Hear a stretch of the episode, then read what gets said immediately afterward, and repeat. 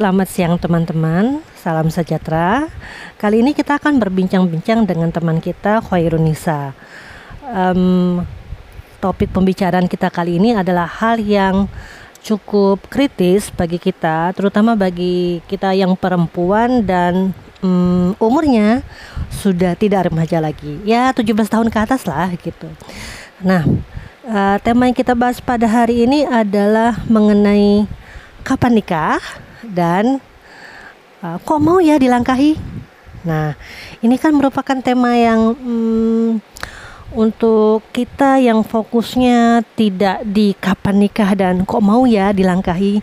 Tentu ini perlu disiasati dengan cara yang taktis supaya kita tidak sakit hati dan yang bertanya pun hmm, menyadari bahwa itu pertanyaan yang uh, somehow tidak perlu diucapkan Sebelum itu pasti aku akan bertanya, nih namamu itu kan uh, Khairunisa. Uh, tapi kalau nggak salah ada ujungnya deh Khairunisa Nugrahani. Nah, uh, apa arti nama Khairunisa Nugrahani? Halo Miss April, uh, Khairunisa Nugrahani itu artinya perempuan yang baik. Baik itu mungkin baik hatinya, baik perilakunya, apa pun lah pokoknya yang baik-baik. Hmm, terus nugrahani mungkin maksudnya dari orang tua aku adalah aku akan menjadi anugerah bagi kedua orang tuaku orang-orang sekelilingku gitu. Jadi Nis um, kenapa Nisa mengusulkan untuk mengangkat tema kapan nikah dan uh, kok mau ya dilangkahi? Karena ini kan uh, tema yang sensitif ya ya I know ini sedikit sensitif tapi seru gitu kayak kalau untuk diomongin dan untuk ya sedikit curhat kali ya Miss Oke, kita mulai dengan kata seru dan kata curhat. Jadi, kira-kira Nisa punya pengalaman seru tentang pertanyaan uh, kapan nikah dan kok mau dilangkahi ini kira-kira ada nggak yang bisa diceritain ke teman-teman? Seru dalam artian apa ya? Hmm, ya karena gue hmm, menghadapi dulu sama sekarang itu beda. Kalau dulu gue kayak udah bete ditanya terus kayak lari-lari gitu kan. Terus sekarang kayak di otak gue kadang suka yang bisa gak sih suatu saat kalau gue ditanya kapan nikah? Terus gue bisa nanya sama orang itu kapan lu cerai? Kapan lu mati? Gitu. Kayak di otak gue udah mulai uh, pikiran liar gitu udah pikiran jahat gitu kan. Kalau dulu kan suka jawab kayak oh iya doain aja gitu. Sekarang tuh kayak saking speechlessnya mau jawab apa kayak gue kepikiran uh, suatu hari kalau gue ditanya kayak gitu kayak gue mau nanya uh, lo kapan cerai? Lo kapan mati? Atau enggak kalau ada yang nanya tante-tante gue bilang kalau om kapan nikah lagi? Gitu. Seru gak sih? Kepikiran gak sih lo? Uh, kayak gitu. Tapi ya as you know lah miss kamu tahu aku orang kayak gimana. Kayaknya uh, dari mulut gue nggak akan keluar kata-kata itu ya kan? Itu namanya iseng bin nakal nis oke okay. um, kembali ke apa yang sudah disampaikan Nisa tadi bahwa dulu jutek sekarang um, sudah bisa mulai berpikiran liar, iseng, nakal. Apa yang menyebabkan Nisa bisa uh, mulai ingin menjawab dengan cara yang tidak biasa seperti itu? Karena uh, kalau gue jawab biasa gitu kan orang bakalan kayak penasaran penasaran gitu kan dan orang tuh kebanyakan kalau nanya cuma dasarnya kepo dan mereka tuh kayak cuma butuh exactly that gak sih gitu kan dari kita gitu. Jadi kadang-kadang gue kayak mau mau menjawab itu uh, dengan tujuan kalau kalau gue udah bertanya seperti itu can you stop to asking me that? Because I don't I don't even have the answer yet gitu. Kayak gue aja belum tahu jawabannya. Jadi bisa nggak sih lu nggak nanya itu lagi gitu? Tapi sekarang udah lebih uh, calm down. Kalau dulu kan kayak jutek banget gitu kan. Gitu sih. Terus apa ya? Hmm, apa yang membuat gue ya itu satu. Dua ya mungkin uh, gue sudah lebih dewasa. Ya umur lah ya miss gitu. Terus dibilang ya lebih mau uh, santai lah menghadapi apa pun itu gitu.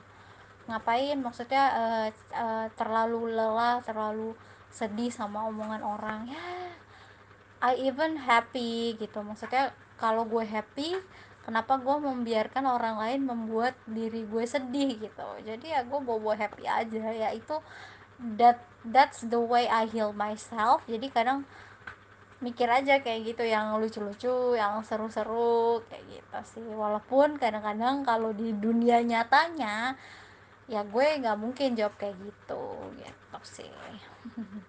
Dan ada ada gini ada dua hal yang gue sadari sih. Kalau yang bertanya orang yang gak really close to me itu kadang nanya cuma kepo. Terus kayak ya basa-basi. Kayak apalagi orang yang nggak pernah ketemu nggak pernah tahu keseharian gue nggak pernah lihat betapa gue bahagia dengan hidup gue gitu kan.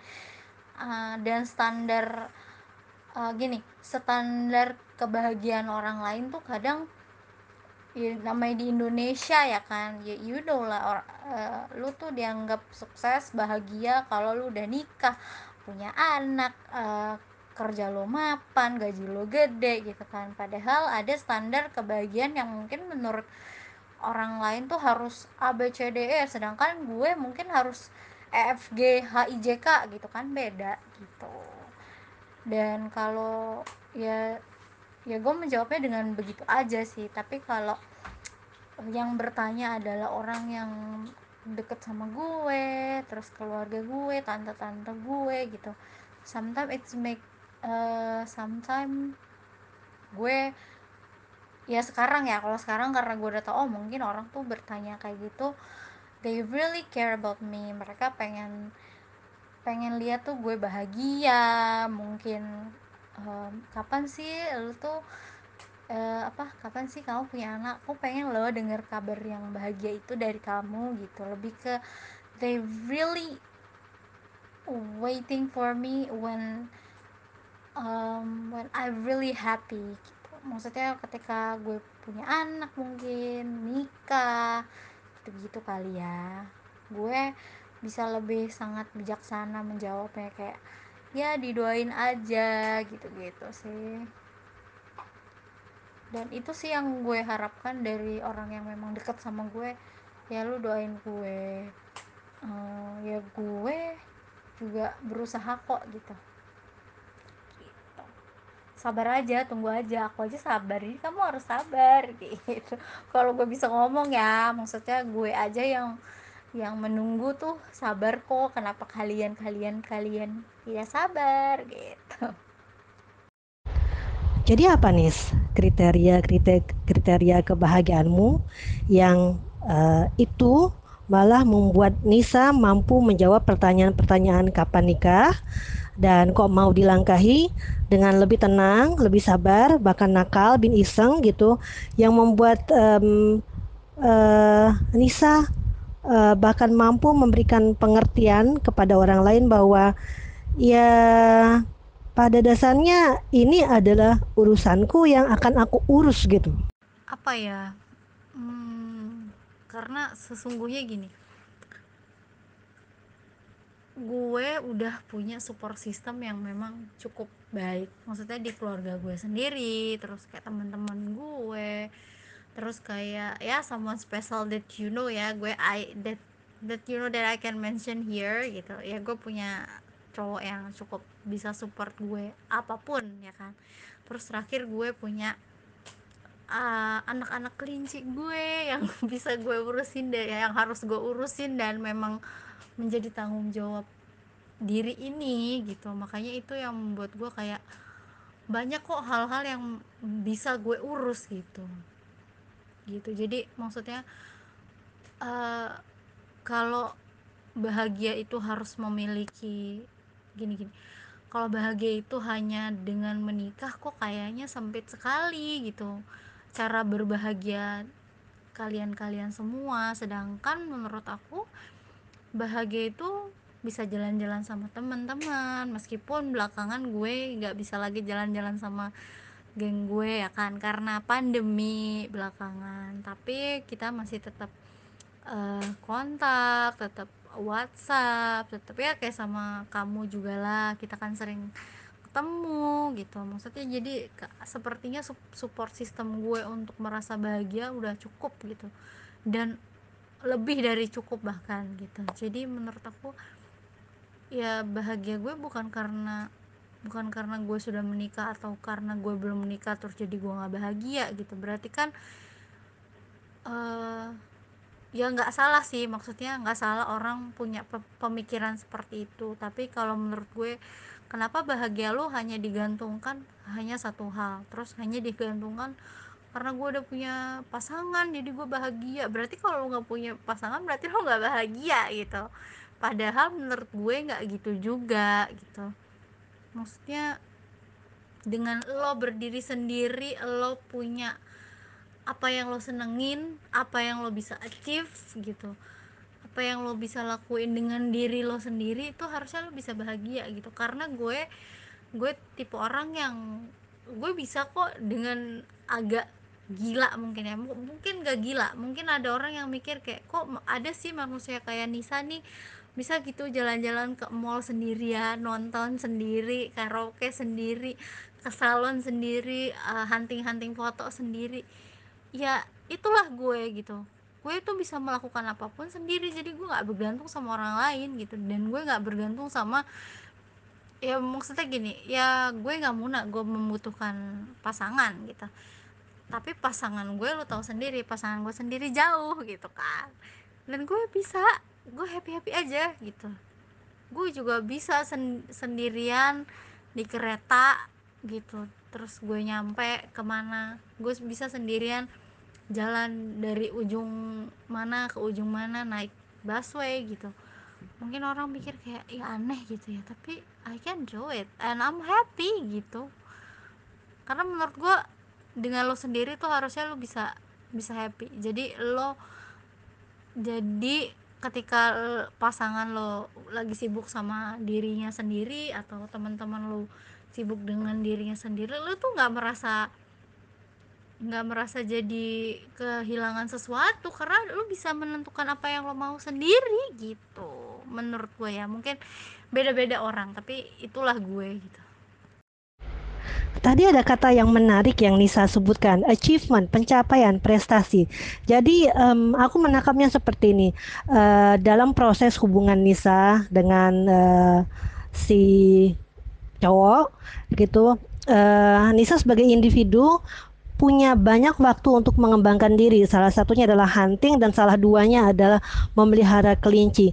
Nah, ini aku jadi penasaran ketika uh, Nisa uh, belajar fotografi dan belajar mengenai cara memelihara kelinci. Um, sense of achievement apa yang uh, Nisa dapatkan? Nisa bisa bagi nggak ke teman-teman? Misalnya gini, uh, bisa mendapatkan uh, foto yang menarik dari sudut-sudut tertentu, uh, bisa mengetahui kelinci ini makannya jam berapa jam berapa saja gitu. Kalau di fotografi dulu dulu banget ya, aku tuh namanya ambil foto ya udahlah ngambil aja. Gitu.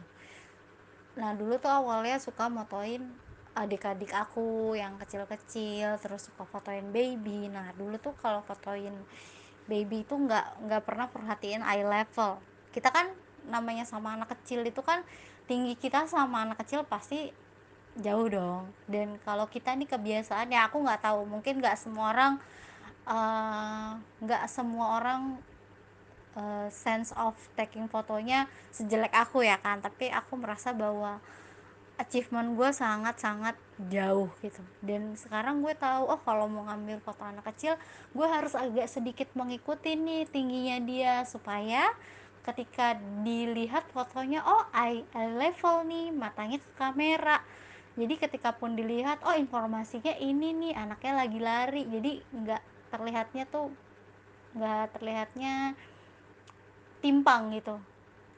Kan informasinya juga beda gitu. Dan kalau dulu ngambil foto anak kecil ya udah yang penting dia senyum matanya ke mana-mana juga I don't care. Nah sekarang tuh kayak lebih memperhatikan itu. Terus kayak misalnya uh, dulu banget ya terserah lah yang mau difoto pakai baju apa backgroundnya apa gitu kan. Sekarang kalau misalnya mau ke hutan oh kan di hutan itu ijo-ijo. Nah pakailah baju yang jangan yang hijau. Pakailah baju merah kuning yang nanti akan terlihat di foto.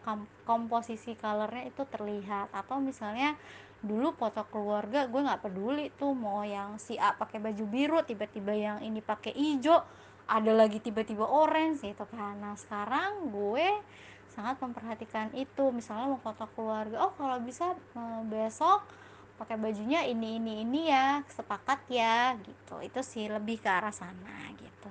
Dan untuk pemeliharaan kelinci dulu ya ya ini kayaknya semua orang taunya bahwa kelinci itu e, dikasih makan wortel tapi ternyata tidak gitu. Banyak hal yang gue akhirnya tahu oh kelinci itu makannya harusnya rumput. Kenapa harus makan rumput? Karena e, kelinci itu adalah hewan hmm,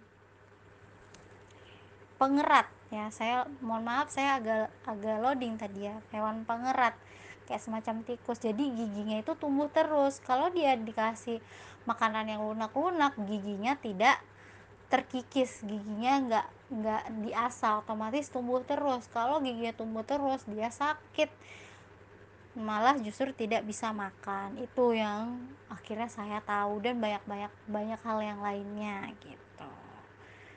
Ya mungkin saya nggak bisa detail di sini cuman saya mengakui bahwa oh eh, banyak hal yang bisa gue pelajarin kok. Nggak nggak cuma soal oh mikir aduh gue belum punya pacar gitu dan kira-kira kalau misalnya waktunya dihabiskan bersama pasangan aja apakah Nisa akan masih sempat untuk mencapai prestasi-prestasi itu? Uh, syukurnya justru gini makanya uh, saya tuh susah dap bukan susah dapat pasangan ya maksudnya makanya saya tuh sang ya kalau dibilang saya pilih-pilih cari pasangan oh ya iya dong beli sepatu aja pilih-pilih ya kan? Gitu. Masa cari pasangan enggak? Gitu. Makanya dari dulu cari pasangan tuh saya pilih-pilih banget. Dan kebetulan ketemu pasangan yang memang justru sangat mengupgrade diri saya gitu. Dan saya bisa dap, bisa achieve di fotografi bisa lebih banyak belajar tentang fotografi karena memang cowok saya ini yang ngajarin gitu. Dan soal kelinci hmm, cowok saya lebih ke dia juga nggak terlalu tahu banyak hal. Cuman dia kayak menekankan sama saya bahwa kelinci itu bukan benda kelinci itu hewan ya. Hewan itu punya jiwa. Kalau kita asal-asalan sama binatang kita kasih makannya asal-asalan terus mati ya itu namanya nggak nggak bener gitu. Dan dia yang support saya terus untuk kalau kamu mau mau jadi manusia yang cukup baik bisa ngurus hewan belajarlah cara ngurus hewan. Googling lah dulu. Belajarlah kelinci itu harus gimana makannya gimana eh, biar nggak sakit harus apa dikasih vitamin kah apakah gitu. Kebetulan pasangan saya yang yang cukup support saya. Jadi itulah cari pasangan itu harus yang bisa support diri kita bisa mengupgrade diri kita gitu. Jadi saya udah nggak udah udah kenyang ya kalau dibilang ih kok kamu uh, cari pasangan eh, eh kamu kok nggak nikah nikah gara-gara pilih-pilih? Ya iya dong. Masa cari pasangan nggak pilih-pilih gitu. Karena menurut saya pasangan itu nggak cuma soal romantis ya nggak cuma soal oh gue punya pasangan nih kalau dibawa ke kondangan tapi uh, lo nggak bisa upgrade diri lo tuh buat apa gitu. Kayaknya cuma menjadi diri yang sama ya ngapain gitu. Ya pasangan itu harusnya buat saya ya maksudnya pasangan itu harus yang bisa membuat diri kamu lebih baik bisa saling support gitu. Kalau pasangan cuma buat bangga-banggaan doang ya ngapain gitu cari aja pasar cewaan ya kan tapi sayangnya di Indonesia kayaknya gak tau deh belum ada mungkin Uhu, jadi udah ketahuan ini ya, eh, bisa bertahan dari serangan. Kapan nikah dan kok mau dilangkahi karena Nisa memilih orang yang bisa bersama-sama mengembangkan diri dan Nisa bisa leluasa eh, menjadi diri sendiri. Kurang lebih kayak gitu nggak? iya betul sekali ya kurang lebih saya nggak pernah maksudnya gini dari dulu ya setiap pacaran tuh kayaknya eh, gini dulu tuh ya dulu tuh ngerasanya ih gue tuh nggak cantik ya kan. Dulu tuh gue ngerasa gue tuh nggak cantik gue tuh nggak pinter gue tuh punya apa sih di diri ini ya kan. Jadi kalau misalnya ih gue tuh orangnya bucin banget nih karena gue nggak pernah merasa dicintai atau disukai sama cowok. Jadi begitu kalau ada cowok yang suka gue kayak bucin banget. Terus kayak aduh gue harus jadi versi terbaik yang dia mau gitu. Jadi kalau misalnya gue ngerasa oh nih cowok sukanya sama cewek yang feminin nih sukanya sama cewek yang suka dandan nih gitu. atau enggak aduh dia nggak suka nih cewek yang dominan nih gitu. Dan I'll be like like what they want gitu kayak bucin banget gue. Terus lama-lama semakin ke sini semakin ke sini ternyata walaupun gue udah mengikuti apa yang mereka inginkan kalau mereka mau pergi pergi aja gitu. Gitu. Maksudnya kalau nggak cocok ya nggak cocok aja. Kalau mereka nggak mau nikahin gue ya udah nggak mau nikahin aja gitu. Walaupun gue sudah kayak melakukan dia kayak ya pokoknya komunikasi. Terus kayak aku oh, maunya gini gini gini. Ternyata gue udah ikutin ternyata enggak juga bahkan ada yang uh, kayaknya gue pernah ngomong sama lo kayak gue pernah ngeles terus malah dia bilang ngapain sih buang-buang duit? Gitu. Gitu sih miss dan sekarang seiring dengan berjalannya waktu terus gue kenal sama cowok yang ini gitu ya gue nggak pernah yang merasa bahwa wah gue ketemu dia nih harus cantik gitu kan. Bahkan gue belum mandi aja nggak masalah gitu. Kayak gue yang dijemput kucel aduh kayak gue biasa uh, gue nggak ada rasa kayak aduh kayak panik gitu aduh gue mau dijemput nih harus cantik gini gini gini gitu. Nggak masalah gitu. Terus kayak ngobrol kayak terbuka banget gitu. Terus gue nggak pernah nahan-nahan oh gue harus kayak jangan dominan jangan dominan gitu. Karena kata gue tuh kadang-kadang nggak bisa menahan diri untuk bukan harus terlihat dominan sih maksudnya kadang-kadang gue yang gue nggak maksud untuk dominan terus ternyata gue mendominasi gitu kan. Kan kadang-kadang cowok nggak suka. Nah ya ternyata pasangan gue yang kayak ya sometimes memang uh, lo kuatnya di sini ya lo akan mendominasi itu gitu ketika gue kuatnya lebih di sini gue akan mendominasi di bidang itu ya.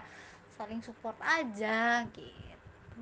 Jadi gue merasa bahwa oh ini diri gue gue diterima gitu. Dan gue di upgrade kalaupun ada satu sisi yang menurut gue uh, menurut dia atau gue kayak ah gue nggak suka nih lo begini begini begini tapi nggak nggak yang kayak maksa gitu. Paling kasih tahu eh gimana kalau gini gini gini? Gue pun kayak gitu gitu sama dia. Kayak aduh gue maunya pasangan gue begini nih tapi kok enggak? Gitu. Tapi gue nggak push kayak oh ya udahlah gitu. Tapi bukan berarti kayak oh, ya udahlah terus terus nggak terus yang jelek-jelek gue terima gitu. Enggak sih. Ya semua manusia kan ada ada kurang ada lebihnya. Ada ada hal yang akhirnya gue kompromi gitu ya kan? Ya seperti kamu dan pasanganmu lah.